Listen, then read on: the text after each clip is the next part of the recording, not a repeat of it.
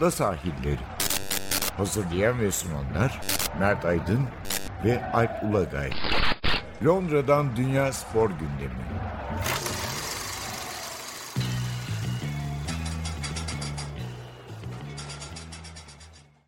Ada sahillerinden merhabalar. Ben Alp Ulagay. Ben Mert Aydın. Uzun bir aradan sonra yani bizim için uzun bir aradan sonra yeni sezonla karşınızdayız. Aşağı yukarı dördüncü sezonla başlıyoruz Ada sahillerinin. 140. bölümle karşınızdayız tekrar. Çeşitli sebeplerle seyahat vesaire İngiltere... Balkan turu. evet. Yani çok detayına girmeyeceğiz ama İngiltere'de yaşayanların, Türkiye'ye gidip buraya dönenlerin herhalde yakından şahit olduğu bir durum var. Çeşitli Balkan ya da Türkiye'nin bazı komşu ülkelerinde böyle bir zorunlu, zorunlu seyahatler var. Çünkü dediğim gibi İngiltere'de yaşayanlar ya da buraya gelmek isteyenler biliyordur. Türkiye İngiltere'nin kırmızı listesinde. Türkiye'ye gittikten sonra doğrudan İngiltere'ye, Britanya'ya dönemiyorsunuz. Yani dönerseniz de zorunlu otel karantinası var. İşte bunu bypass etmek için çeşitli ülkelerde belli süre kalmanız lazım. Bizim başımızdan da bu durum geçti. O yüzden dönüşümüz gecikti falan. Belki işte bir iki hafta önce başlayabilirdik ama hem bu seyahatler hem onun biraz yorgunluğunu atmak e, vakit aldı açıkçası. O yüzden Eylül'ün ortasına kaldık ama tekrar beraberiz. E, bugün böyle bir kaçırdığımız birkaç haftanın bir kısa bilançosunu yapacağız. Çok uzatmayacağız. Böyle bir yazın spor olayları, yaz sonundaki işte voleybol Avrupa Şampiyonası en sonunda da belki bir Premier Lig ile ilgili ilk dört haftanın küçük bir değerlendirmesi bir de sezon tahminlerimizi yaparız.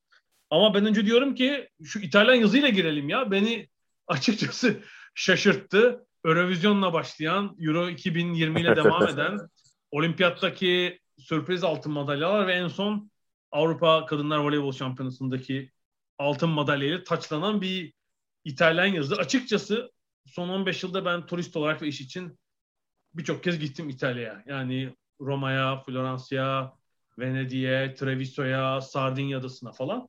Ha, İtalya ile edin ilgili e, izlenimim şuydu. Yani süper insanlar, ülkede hoş ülke. Ama şöyle bir izlenim e, vardı kafamda. Ya bir sürü şey köhne bu ülkede. Yani böyle bir eskilik var. Şeyden bahsetmiyorum. Hani Roma'nın tarih kısmından bahsetmiyorum. Yani yeni olması gereken işte havalimanı, otel, Aha. ulaşım, taksi falan ya niye geri kalıyor bu ülke? Hani, hani İngiltere ile falan kıyaslandığında Avrupa'nın diğer ülkelerinde böyle bir geri kalma ve bunun tabii iktisadi sebepleri var. 20 yıldır biraz yerinde tökezleyen bir İtalya var yani. Diğer Avrupa ülkelerine nazaran. Bu spora da yansıdı biliyoruz. Yani futbola çok ciddi bir yansıması var. Hani 20 yılda kademeli olarak İtalyan futbolu aşağı indi. Mesela voleybol, basketbolda da İtalyan ligleri yani 90'larda rakipsizdi. Voleybolda özellikle. İşte hatta 2010'lara kadar falan. Böyle bu spora da yansıdı.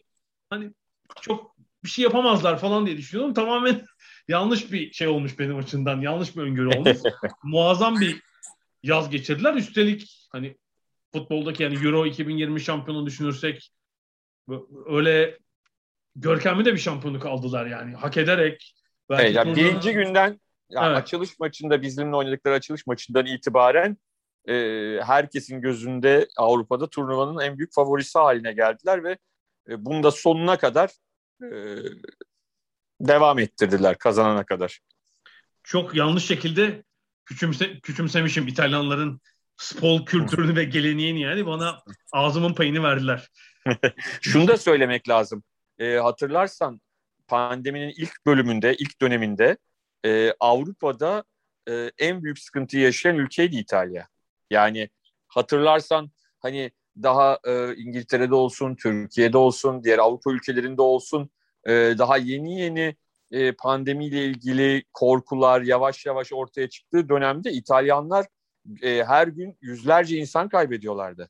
Tabii oradan muhtemelen Asya'dan Kuzey İtalya'ya girdi Covid-19 evet. virüsü ve İtalyanlar daha ne olduğunu anlayana kadar muhtemelen iki ay onu anlamakla geçti ve meşhur Atalanta Valencia maçıydı değil mi? 2020. Evet, evet, evet. evet. Şubat'ı mı Mart'ı mı Şampiyonlar Ligi maçının aslında bu olayı Avrupa'ya yayan iki önemli faktörden biri olduğunu belki söylemek lazım. Yani o maç üstüne bir de işte Avusturya, Kuzey İtalya'daki kayak tatili evet.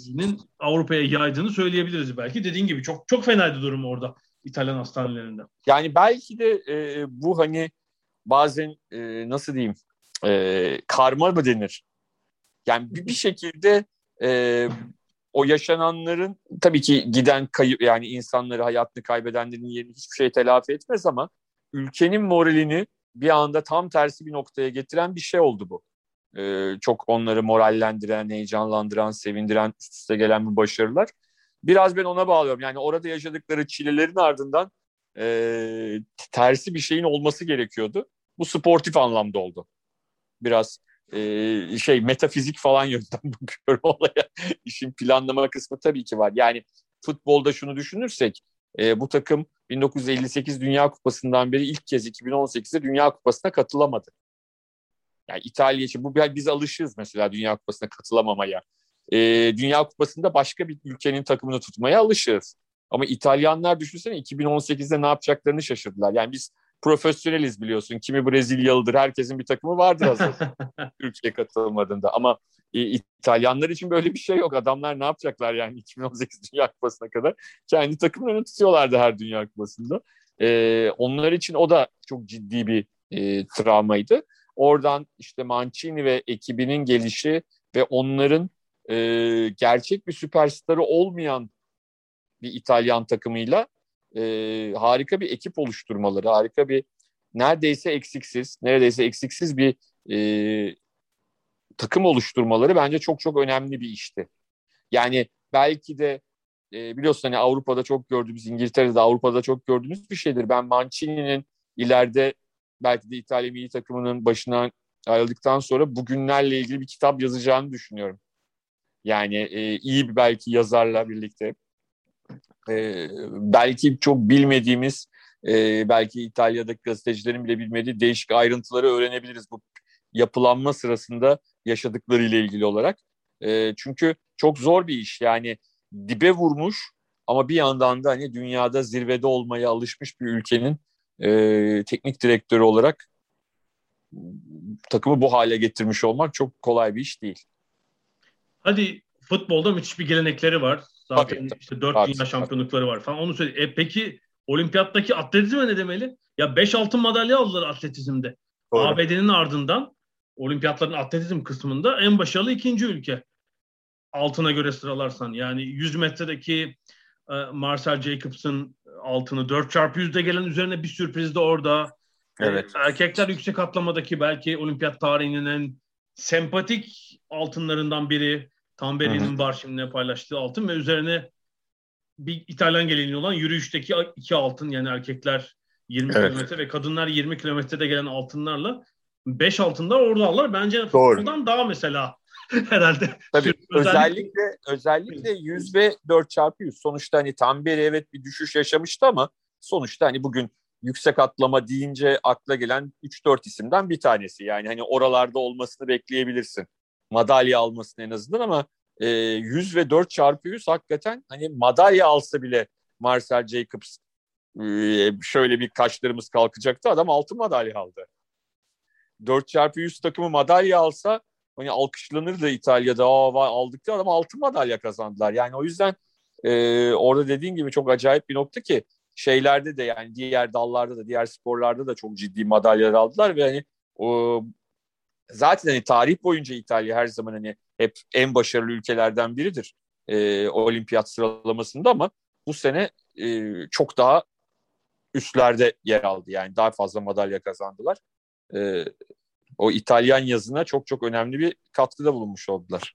40 madalyası var. 10 altın, 10 gümüş, 10 bronz. Onun 10 altının yarısı da atletizmle gelmiş tabii oradaki e, ekstra şey ama hani işte dağılıma baktığında da herhalde 15 dalda falan madalyaları var. Yani özellikle İtalya'nın geleneğidir mesela eskrim. Eskrimde evet. altın yok. Yani madalya evet. çok. 5 madalya var altın yok. E, yüzmede madalya çok ama altınları yok mesela falan. E, e, bisiklet bir altın iki bronz. Yani işte atletizm mesela belki oradaki açıkları da kapatan bir faktör oldu olimpiyatlarda da.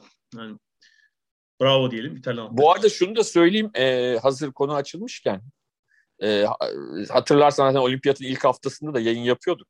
Hı hı. E, genel konuşmuştuk ama hani olimpiyatın sonunda bir değerlendirme yapmadık. Türkiye ile ilgili bir e, ekleme yapmak istiyorum o zamanki muhabbetimize, o zamanki sohbetimize. E, Türkiye şimdi hani o altın madalya sıralamasına göre kaç oldu? 35. mi? 35. O, o civarda bir şey oldu. Ama e, bakıldığında çok fazla dalda madalya aldı ve çok fazla dalda e, şeyin e, olimpiyatların ilk 8 yani kütüğe de başarı kütüğü denir. E, oraya çok fazla sporcu soktu Türkiye. Yani ben bunun üzerine bir çalışma yaptım. Sana da attım hatırlarsan. E, ilk 8'ler üzerinden yani Türkiye'nin e, yani bütün olimpiyattaki yani ilk 8 üzerinden yaptım ve Türkiye aslında 20. sırada o puanlamaya göre. E, bence bu çok önemli bir şey ve Avrupalılar arasında da 12. Bu açıdan Türkiye açısından belki bazı hayal kırıklıkları olsa da bazı sporcularda çok sürpriz yerlerden ve mesela pentatlondaki modern pentatlondaki beşincilik.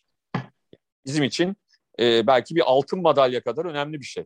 Atıcılıkta dördüncülük mesela. Atıcılıkta dördüncülük. Zaten hani Mete Gazoz e, altın aldı e, okçulukta. Dördüncülük var yine okçuluktan. Hı hı. Yani çok değişik dallarda. Tabii ki hani bizim e, Türkiye'nin her zaman klasik madalya aldığı dallar var güreş, tekvando, karate belki bu olimpiyat için vardı ama biliyorduk alacağımız madalyaları.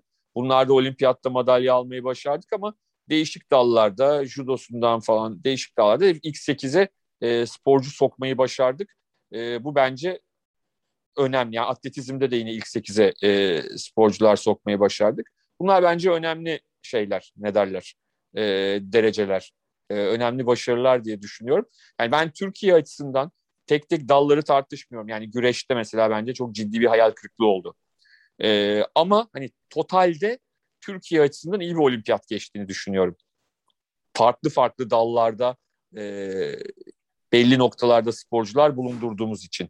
Ama hani her zaman söylüyoruz belli dallarda daha iyi dereceler işte voleybolundan güreşine kadar belli sporcularımızın çok daha iyi dereceler yapabileceğini biz biliyorduk. Olmadı. Ee, onlar birazcık şey yaptı ama e, dediğim gibi diğer dallar e, sınıfı geçtiler gibi geldi bana sanki. Evet ben hani 13 2 altın toplam 13 madalya bakınca fena gibi gözükmüyor ama işte yine mücadele sporları ağırlıklı. Biraz açıkçası hani daha iyi olabilir. E, dağılım Tabii. bence yetersiz diye düşünüyorum ama senin bu ilk 8'ler şeref listesi araştırmanı görünce o biraz fikrimi değiştirdi açıkçası. Yani orada 20.likte yer almak e, aşağı yukarı Türkiye'nin olması gereken yer. Ben hani o 20 civarında olması gerektiğini düşünüyorum Türkiye'nin. çok büyük gelenek ülkelerle zaten e, aşık atmak mümkün değil şu an için. 30 yıl sonra ne olur bilmiyorum. Tabii. Ama işte 20 civarında olmak lazım. 19, 22 falan. E, madalya sıralamasında uzun süredir olmuyor Türkiye. Oralarda evet. herhalde Atlanta'da falan oldu. Bilmiyorum ya da belki Atina'da olmuştu en son. O zamandan beri olmuyor. İşte ama okçuluk, jimnastik. Hani jimnastik. Evet, dallardan gelen kadınlar boksta bir zaten olimpiyatta yeni bir dal. Oralardan gelen madalyalar biraz durumu değiştirdi ama unutmamak lazım. İşte karate olmayacak. Karatenin çıktığı bir bilançoda demek ki 2024 Paris'te e, burada madalyayı kaçıran bazı isimlerin yükselmesi gerekli ama madalya alan e, bazı önemli isimlerin işte kadın boksörlerin Mete Gazoz'un falan hala çok genç olduğunu biliyoruz. Yani onlar evet. birer olimpiyat hatta Mete Gazoz'un durumunda muhtemelen 2-3 olimpiyat çok daha rahat yarışabilir Ki, herhalde. Sadece 3 yıl sonra olimpiyat. Yani 4 yılda bir yapılıyor ama bu 5 yıl sonra olduğu için öbüründen. E, bundan sonraki 3 yıl sonra. Bu aslında mesela bazı başka daha öyle 30'larının başındaki bazı sporcularımız için de iyi haber. Yani 3 yıl sonra e, bir olimpiyata katılacak olmaları. Bakalım yani istikrar önemli. E, jim, özellikle jimnastik ve okçulukta ki başarıları tekrar edip hatta daha ilerletebilirsek bence bizim adımıza önemli, çok önemli bir e, şey olacak, başarı olacak ve belki de yani benim için en önemli şeylerden biri e, takım sporlarında daha fazla temsil edilebilmek. Fransızlar orada sıra dışı bir iş çıkardı biliyorsun. Beş finalist çıkardılar galiba. Kadın evet. erkek handball aldılar. Yani. erkek voleybol en sürprizi erkek voleybol oldu. Yani Fransa'nın öyle bir geleneği yok erkek voleybolda. Kendileri de şaşırdılar zaten. erkek basketbolda işte Fransa ABD finali bekleniyordu. Orada az farkla kaybettiler. Ama Fransızlar çok memnun. ABD'den sonra herhalde takım sporlarında en başarılı evet. ikinci ülke. Yani şöyle takım sporlarında biliyorsun birer madalya veriliyor takımlara. Oyuncu sayısı kadar madalya verilse Fransa ikinci olurdu madalya klasmanında. Peki e, burayı bitirelim. Kısa bir ara aradan sonra biraz da voleybol konuşacağız.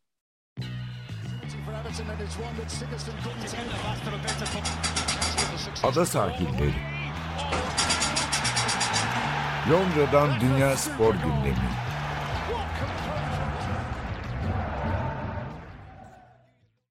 Ada sahiline devam ediyoruz. Ee, yazın sonunda da Avrupa Voleybol Şampiyonası'nda İtalya'nın şampiyonluğuyla bitirdik ama e, Türkiye milli takımı da bir kez daha yarı finale kalmayı başardı ve üçüncülük maçında da Hollanda'yı yenerek Avrupa üçüncüsü oldu.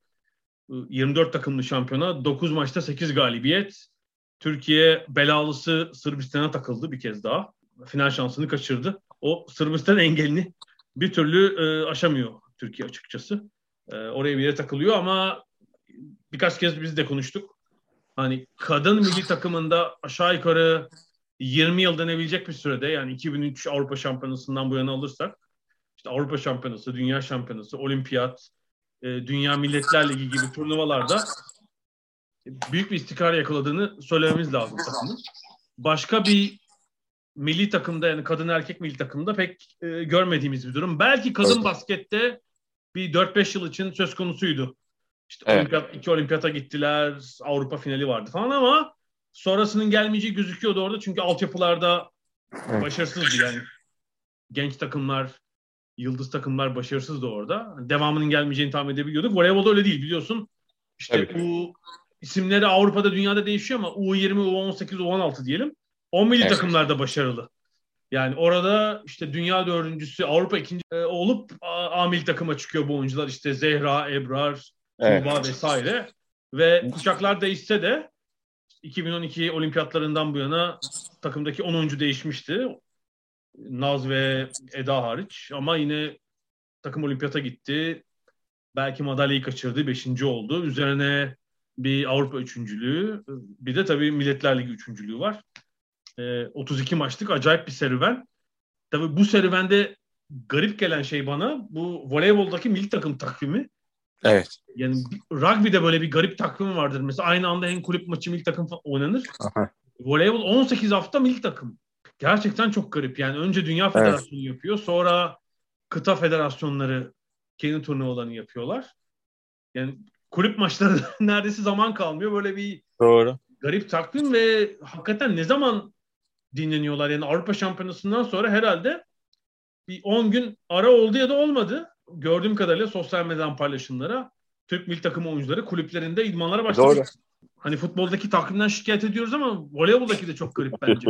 yüzde yüz, yüzde yüz öyle. Ya ben e, başarıda şunun da çok payı olduğunu düşünüyorum. Bu genç oyuncuların hepsi birçoğu takımlarında e, yer buluyor. E, mesela eğer büyük takımlarda yer bulamıyorlarsa mutlaka kiralık olarak oynayabilecekleri takımlara gidiyorlar. Mutlaka değişik takımlarda oynuyorlar. E, ve de e, yani Türkiye Ligi'nin öyle bir özelliği var. Aynı İtalya gibi ligi gibi. E, dünyanın birçok önemli oyuncusu ki bu Olimpiyatta ve Avrupa Şampiyonası'nda zaten hep tanıdığımız, ligimizde çok fazla gördüğümüz oyuncuları izledik diğer takımlarda da. Yani Zehra için e, bir Amerikalı oyuncuyla ya Brezilyalı oyuncuyla ya da işte e, bir Sırp oyuncuyla karşı karşıya oynarken e, Zehra'nın, Ebrar'ın, e, Eda'nın, diğerlerinin yani çok yabancı birileriyle oynamıyorlar zaten. Tabii Zehra'nın Türkiye Ligi'ndeki rakibi Eczacıbaşı'nda Sırp Boşkoviç ya da Amerikalı Thompson mesela yani karşıda. Tabii tabii. Hani o, orada böyle bir sudan çıkmış balığa dönmüyor hiçbiri. Onu söylemek lazım. Tabii ki hani senle de biz çok özel e, konuşmalarımızda konuşuyoruz. Aslında o konuyu da açmak lazım. E, şö şöyle bir hava var. Yani Türkiye e, futbol dışında herhangi bir sporu konuşmaya ve yorumlamaya çok hazır değil. Hani çok böyle şey değil ne derler.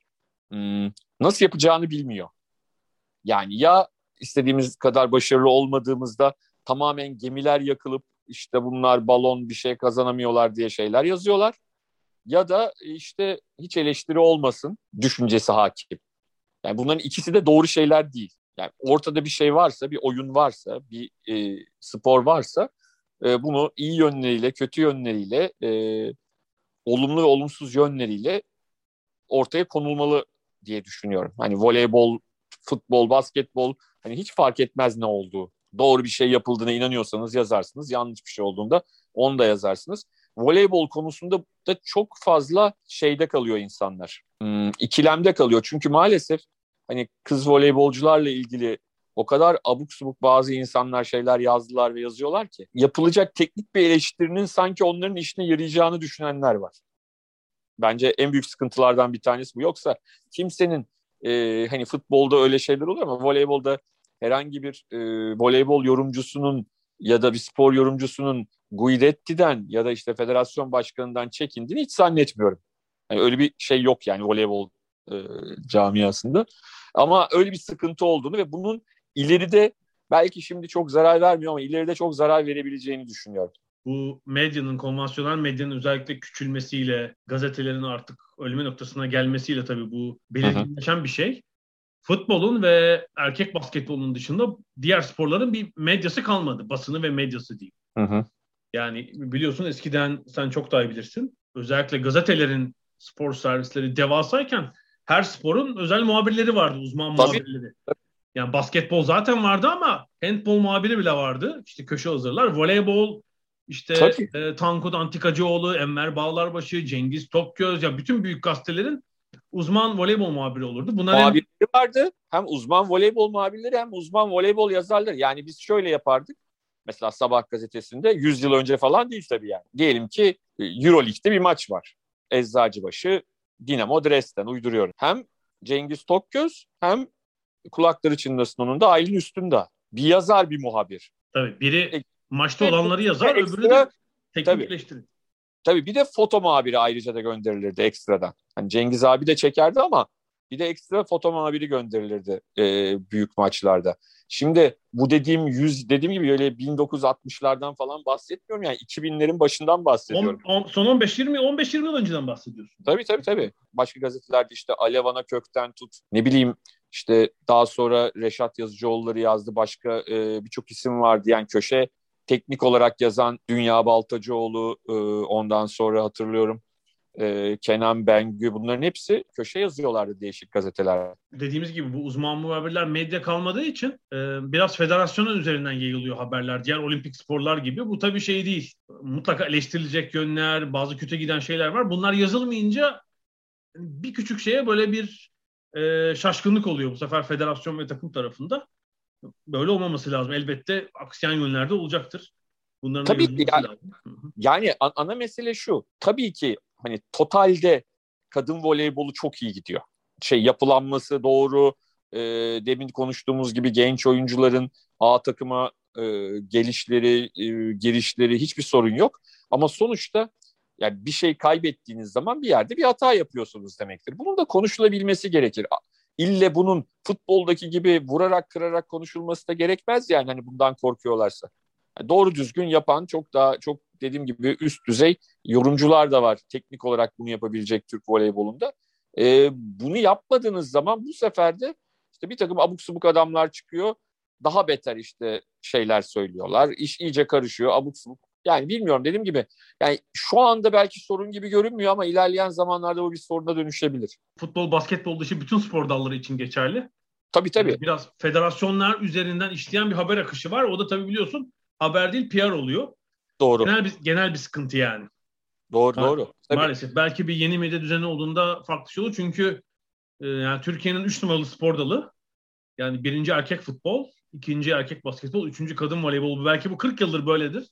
Oranın hmm. bir kendi medya, yani var bir takım dijital medyalar ama daha çok masa başı gözüküyor yani. Sahaya inip yapılan işler pek hmm. yok. Ben öyle görüyorum en azından. Peki voleybolu da kapatıyorum. Burada e, bir kısa arada devam edeceğiz.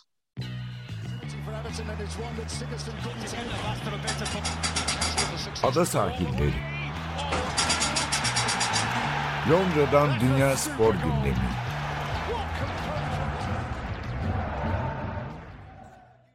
Ada sahillerindeyiz. Çok kısa da tenise gidelim. Herhalde yazı kapattığımızın asıl işareti Amerika açığında sona ermesiydi. Yani acayip bir turnuva oldu. Novak Djokovic muazzam bir fırsatı kaçırdı. Kadınlarda da özellikle bizim yaşadığımız İngiltere'yi ayağa kaldıran bir şampiyon var. Nasıl? Gör, görmemişin şampiyonu olmuş. Ama öyle yani. Hani İngilizler arada elbette bir takım e, tenis yıldızları olur ama hele kadınlar tenisinde 40 yıldır böyle bir isimleri yok. Tabii yani tabii. şöyle babam hep söyler bana İngiltere'de benim doğumdan önce yaşadıkları dönemde işte Virginia Wade, Virginia Evet. Wade hep bana söylerdi yani 45 yıl önceden bahsediyoruz. Tabii Virginia Wade'i gördüm ben. Ee, finalden önce onunla e, röportaj yapıyorlardı televizyonda. Yani Virginia Wade bildiğin Brontosaurus yani artık hani kaçta. en son o kazanmış zaten 44 yıl önce. 77 değil mi? Evet 77'de bir En son ka- e, Grand Slam kazanan o US Open 73'te kazanmış galiba. tabii tabii evet son Grand Slam. Wi- Wimbledon herhalde değil mi? 77 Wimbledon. Olsa yani 70'lerde kazanan kadın tenisçiler var erkeklerde tabii Britanyalı e, Andy Murray vardı ama kadınlarda uzun süredir böyle bir başarı olmadığı için e, Emma Raducanu'nun başarısı bu çok kültürlü, sempatik kızın başarısı İngiltere gazetelerinin birinci sayfalarından inmedi kaç gün yani. Finale Tabii, giderken tabii. zaten Ama sokakta da öyle. Herkes onu konuşuyordu. Yani finalden önce e, bizim bu mahallede herkes o gördün mü bu gece final var, bu akşam final var. Herkes onu konuşuyor. Alakalı alakasız yani. Yani tenisin çok izlendiği bir yer İngiltere zaten ve şöyle oldu. Normalde İngiltere'de e, US Open'ın yayın hakları Amazon'da. Evet. Amazon Prime'dan izleyebiliyorsunuz. Hani ben oradan izledim ama final maçına bir Britanyalı çıktı diye sadece final maçı için Channel 4 para ödeyip e, açık yayın haklarını satın aldı ve kaç milyon kişi izlemiş? Bir 7 milyon bir de 9 milyon gördüm. Evet.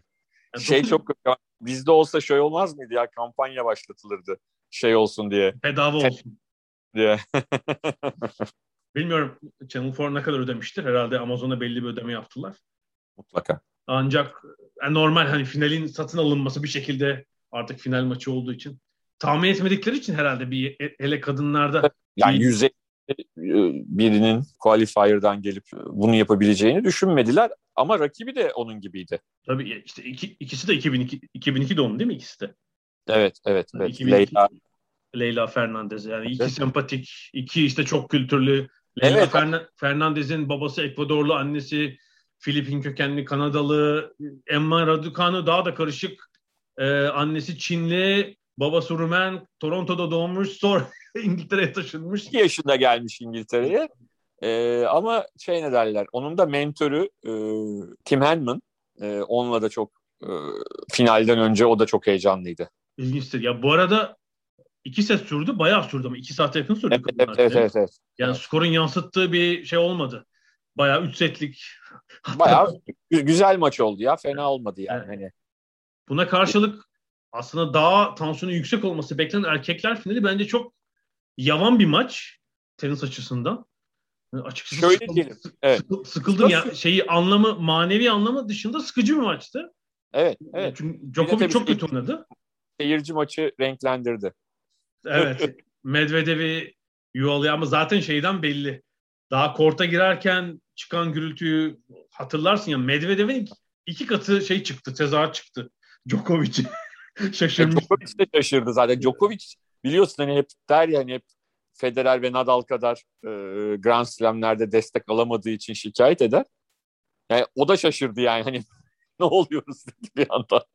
Tabii bir de şöyle bir şey var. Şimdi maça gelenler bir tarih gör yani şu- şunu istiyorlar. Hani şimdi bu sadece Djokovic ile Medvedev arasında bir maç değil. Djokovic kazanırsa, kazansaydı e, Grand Slam yapmış olacaktı. Daha Rod Laver'dan bu yana ilk kez bir erkek tenisçi e, dört büyük turnuvanın tamamını kazanmış olacak. O adam da maça giden e, New Yorklu için de bu şu olacaktı. Yıllarca işte ben o maçtaydım. Onu, onu da biraz düşünüyorlardı zannediyorum ki biraz kendilerini. Tabii e, zaten bir sürü işte hmm, Alec Baldwin'inden Brad Pitt'ine, Sharapova'sına, Ben Stiller'a kadar bir sürü ünlü New Yorklu tribündeydi zaten herhalde onlar da bu anı yaşamak için gelmişler ama bence Djokovic finali o ilk setin ilk oyunda falan kay nerede kaybetti biliyor musun? Tokyo'da kaybetti. Evet. Ya kanaatim bu. Yani orada hedefi artık Amerika açık olmalıydı. Tokyo'da olimpiyatmış, Golden Slam'miş. Ya olimpiyattaki tenisi kim takar ya? Biraz Bırak şey olabilir. Ne, ne işin var senin Tokyo'da Covid'li yılda orada ya PR kampanyası yapmak için gitti oraya. Bence şöyle de bir şey olmuş olabilir. Bak onu hiç şey yapma yani. Hı. Şimdi Djokovic böyle havalı mavalı görüyoruz ama Djokovic de hani sonuçta biz Türkiye'den biliyoruz. E, Djokovic de Doğu Avrupalı. Yani muhtemelen e, ben Sırbistan'da politikacıların şeylerin baskı yapmış olabileceğini düşünüyorum. Bu hani tehdit anlamında baskıdan bahsetmiyorum. E, duygusal bir baskıdan bahsediyorum. Nasılsa alırsın sen onu nasıl alırsın? Ya, anlatabildim mi? Yani hani sonuçta e, bir Batı Avrupa ülkesinde bunu pek göremeyiz ama bir Doğu Avrupa ülkesi olduğu için e, Sırbistan bu yaşanmış olabilir diye düşünüyorum. Yani çünkü orada biliyorsun orada da milliyetçilik çok yüksek seviyede biraz öyle bir ikna e, şey yapmış olabilirler Djokovic'e. Ya bence şey diye düşündü ya. ya bu nasılsa ben olimpiyat hem, hem böyle orada bir sempati kampanyası yaparım. Hı hı. Hem alırım ya ben bunu nasılsa cebe atarım. Bir golden için giderim Amerika'ya. Bence tamamen tersi oldu. Hiç yani oraya kendisini kafacı yormaması gerekiyordu ve şey oldu. O yarı final maçı Zverev kaybettiği. Evet. Bir şey oldu. Sanki o yenilmez zırhta bir delik açtı Zverev. Bence işte Zverev, Medvedev, Tsitsipas yani onlar için bir şey oldu. Ha tamam. Biz Aha. bu zırha deldik. Buradan içeri gireriz. Havası psikoloji değişti yani. Bence o olimpiyatlardaki havayla sinirlenmesi o çiftler maçı falan. Ee, şey oldu yani ve buraya da yansıdı. Yani finale gelene kadar kaç set verdi? Bir sürü set verdi. 6 set fazla oynadı. Medvedev'den 5,5 saat falan. Yoruldu ekstra. Finalde de bence hem zihnen hem bedenen yorgundu. Evet evet yani çok Medvedev hep önde oldu. Yani hep şimdi herkes biz de dahil şunu bekledik de şimdi. E, şeyin meşhur ya o ilk seti vermeleri zaman zaman. e, Djokovic'in. Şimdi başlıyor. Şimdi başlıyor bir türlü başlamadı. bir türlü başlamadı. Hiçbir zaman Medvedev mesela şöyle bir şey var. Medvedev mesela Safin'i hatırlarsın. Safin Evet. olsa mesela o maçı kaybederdi. Çünkü sinirlenecekti seyirciye. Tamamen kontrolü kaybedecekti. Mesela Medvedev'i o anlamda da tebrik ediyorum. Yani Şerbetli ya. Şerbetli şerbetli. yani Me- Medvedev, Medvedev'den başka birisi çok kolay kolay onun altından kalkamazdı yani. Onu da ifade etmek lazım. Çok psikolojik olarak kolay bir şey değil bu. O iki sene önce tecrübe etti işte. US Open'da o seyirciyle papaz oldu. O sene bayağı onu hırpaladılar. Bence oradan şerbetliydi o işte. Finalde minalde de. Yani onun- o da bence o da vardı galiba tribünde. Ee, bir e, psikolojik danışmanı mı vardı? Bir şey vardı tribünde. Hmm. Ee, onu izleyenler arasında. Zannediyorum o konuda yani hani böyle bir şeye en azından yakın bir şey bekliyordu herhalde. Onun için hiç yani böyle hani bir şaşkınlığa uğramış gibi de davranmadı. Ee, sadece her aldığı puandan sonra yumruğunu kaldırdı. Ee, o da abartılı bir şekilde değil. Bir tek şeyde biraz e, hatırlarsın 3. setin de 5-2'de. 5-2'de yani 5-2'de evet. İki kere çift hata yaptı orada. iki çift hata yaptı ki ben seyrederken hani orada seyirci gaza geldi şey göğsüne yumruklar falan vurdu oturduğu yerde e, Djokovic ama ben yine de 6-4'e biteceğini düşündüm. Yani Medvedev'in sadece öyle iki puan şey yaptı diye e, Djokovic'e oradan vereceğini hiç düşünmedim. E, sonunda bitirdi zaten. Yani çünkü maç boyunca hep daha iyi olan, daha üstün olan Medvedev'di. Yani oyunun hiçbir bölümünde Djokovic geri dönüyor şeyini bize vermedi. Havasını bize vermedi bence. Tam öyle oldu. Yani bu işte olimpiyatlar ve bu turnuva bir dönüm noktası da olabilir. Belki de işte Zverev, Medvedev, Tsitsipas bu kuşağın team belki sakatlıktan geri dönecek. Yani gelecek sene itibaren daha büyük bir hakimiyet kurduğunu göreceğiz. Ben emin değilim. Mesela Djokovic, işte Dominic Thiem bir yere röportaj verdi galiba hemen US Open'dan sonra. Da- 2022'de daha iyi olacak Djokovic'in döndüğünü göreceğiz. Bundan ben emin olamıyorum. Bir psikolojik kırılma olmuş olabilir. Belki de üç büyükler bir daha hiç Grand Slam alamayacak mesela. Yani 20-20-20'de kalmaları da çok acayip olur gerçekten. Komik olur ha. Gerçekten acayip olur. Abi söyleyeyim e, Nadal çaktırmadan bir Fransa açıkta alır 21 olur. Evet, şeye gidiyor. Bunu söylerken bütün turnuvalardan önce onu düşünüyorum. Yani Nadal'ın Paris'teki hakimiyetini düşünüyorum. ne yapar eder bir kez daha alır diye. Olabilir gerçekten.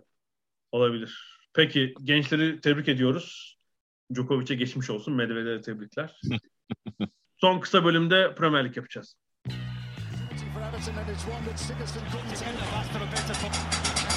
Ada sahilleri. Londra'dan Dünya Spor Gündemi.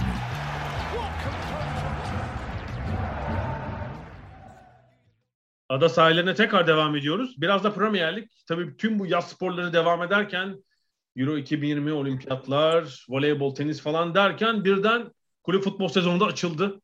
Ağustos'un ortasında. Zaten bir türlü bir türlü halledilemeyen bir takvim meselesi var futbolda. Bir de şimdi iki yılda bir Dünya Kupası olsun mu olmasın mı yoklaması var biliyorsun. Bütün konfederasyonlara görev verdi FIFA. Kendi üyeleriniz arasında yoklama yapın. İstiyor musunuz bunu diye. Ben üç haftada bir yapılsın diyorum ya. Hani iki yıla gerek yok.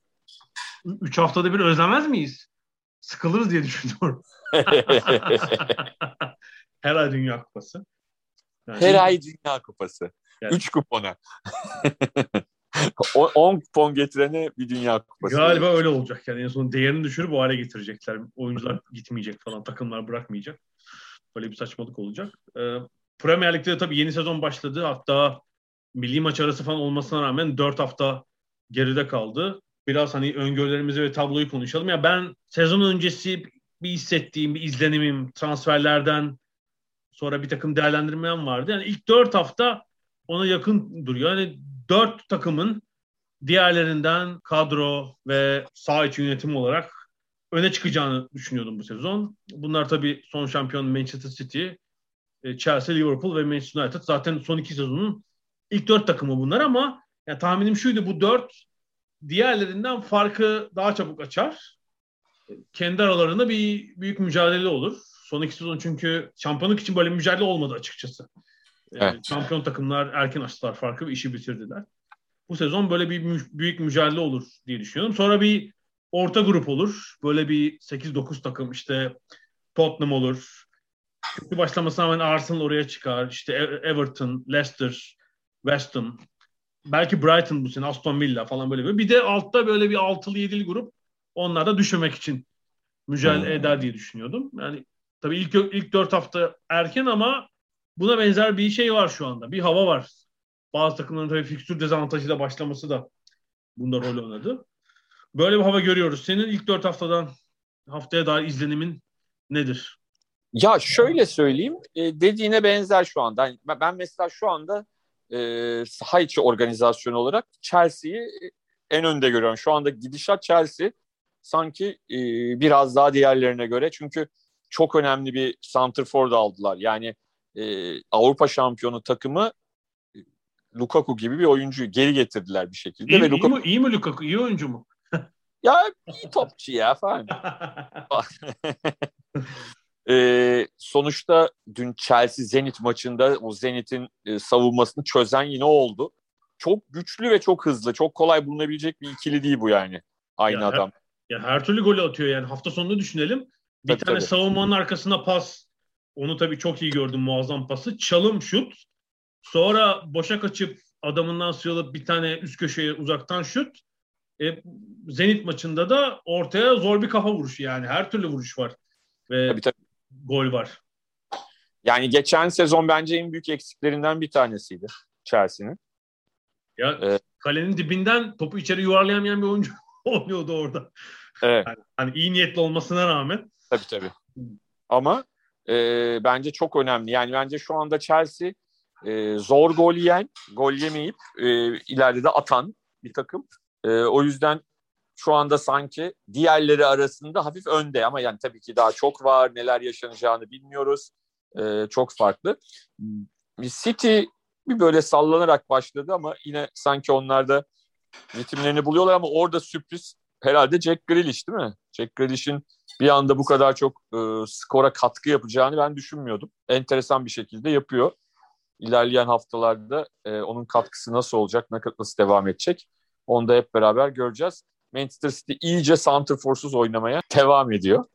Evet, ya ee, ben Grealish transferinden yana değilim açıkçası. Hani onun yerine bir yani Kane'e konsantre olup parayı oraya harcayıp olmadı bir türlü o iş. Kane'i almaları daha şey olur diye düşünüyordum. Ee, ama işte Grealish'e yüzü verince zaten yani Kane'e ayıracak bütçeleri de belki bir parça azaldı. Bir de Tottenham bir şekilde onu bu sezon bırakmaya razı olmadı. Bilmiyorum seneye evet. nasıl, nasıl bir pazarlık olacak.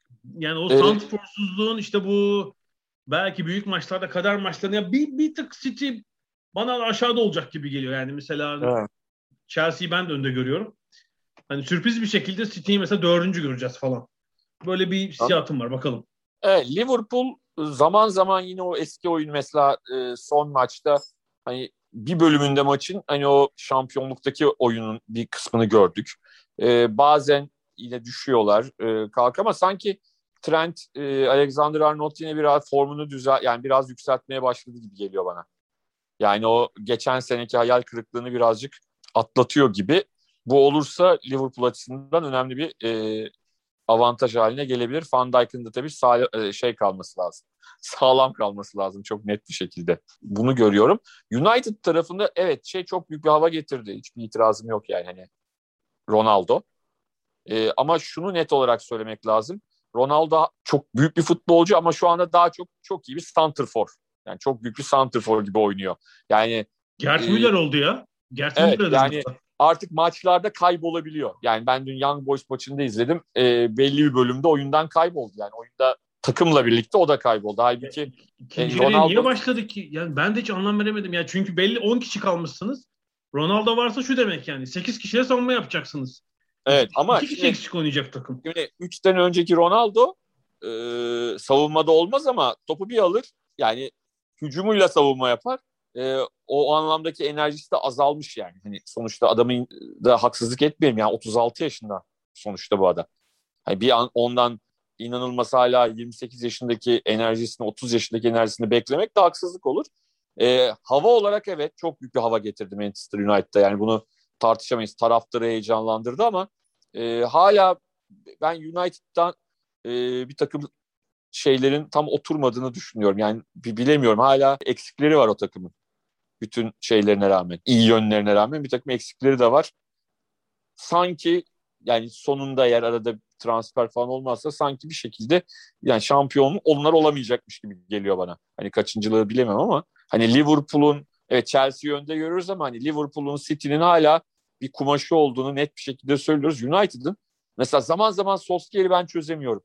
Zaman zaman ha tamam diyorum. Zaman zaman da e, çok sıkıntıya giriyor. Yani mesela dün mesela yani Young Boys tamam çok takdir edebileceğimiz bir takım ama hani 10 kişi bile kalsa bu kadar sıkıntıya girmemesi lazım Young Boys önünde.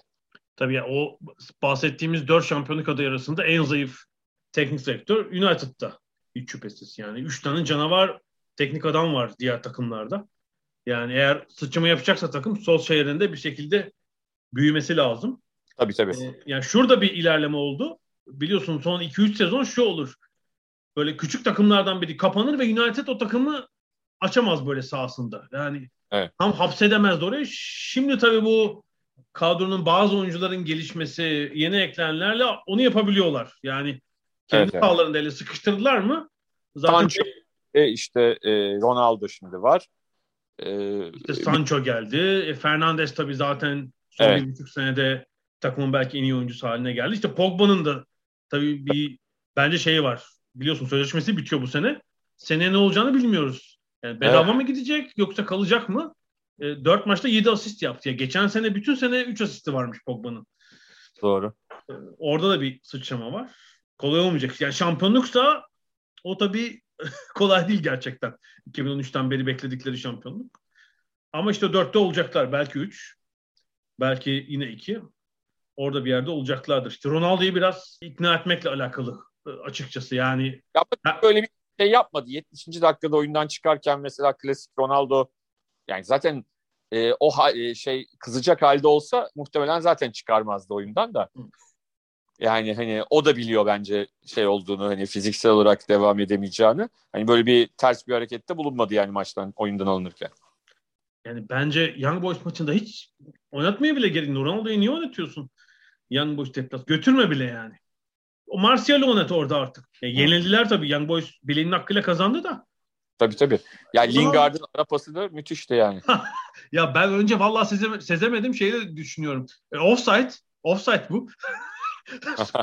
yani tekrarda şey yapabildim. Böyle bir pasının Manchester'dan gelebileceğini o an e, refleks olarak şey yapamadım yani. Hissedemedim. Bu arada Wagner United'ı hem Şampiyonlar Ligi hem Premier Lig'de ikisinde birden yenebilen 6. hoca olmuş. Hangi takımlarda yaptı? Biri Young Boys, öbürü de Huddersfield. Gerçekten.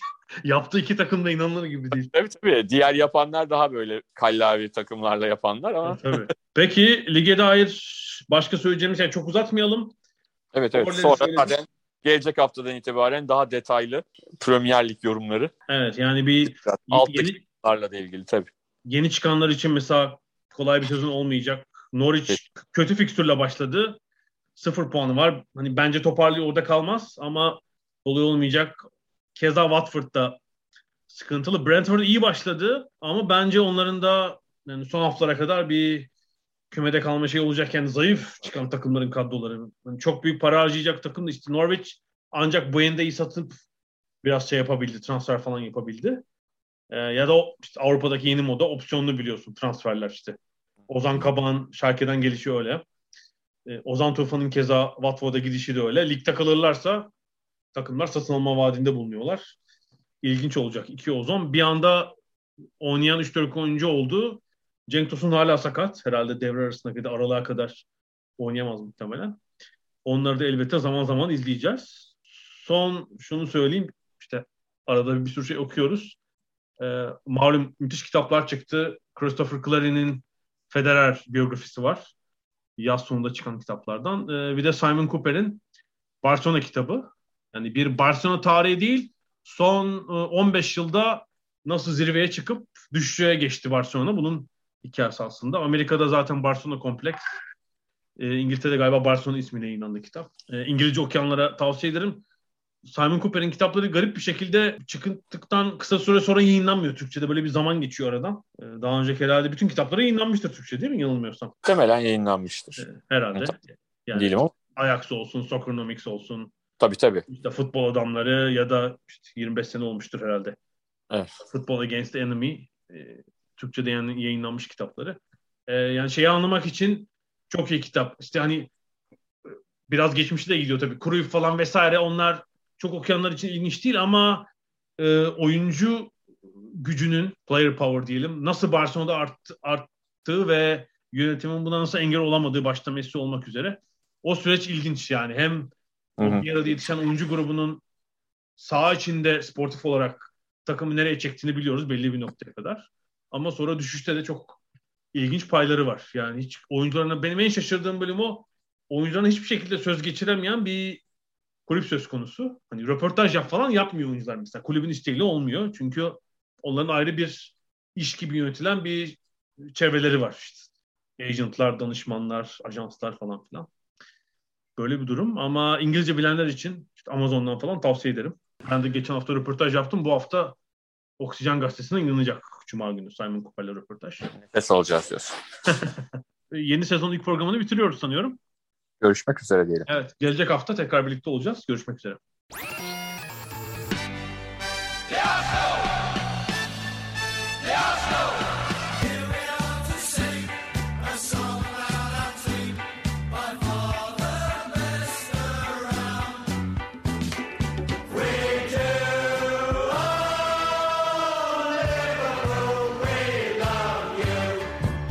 Ada sahilleri. Hazırlayan ve sunanlar Mert Aydın ve Alp Ulagay. Londra'dan Dünya Spor Gündemi.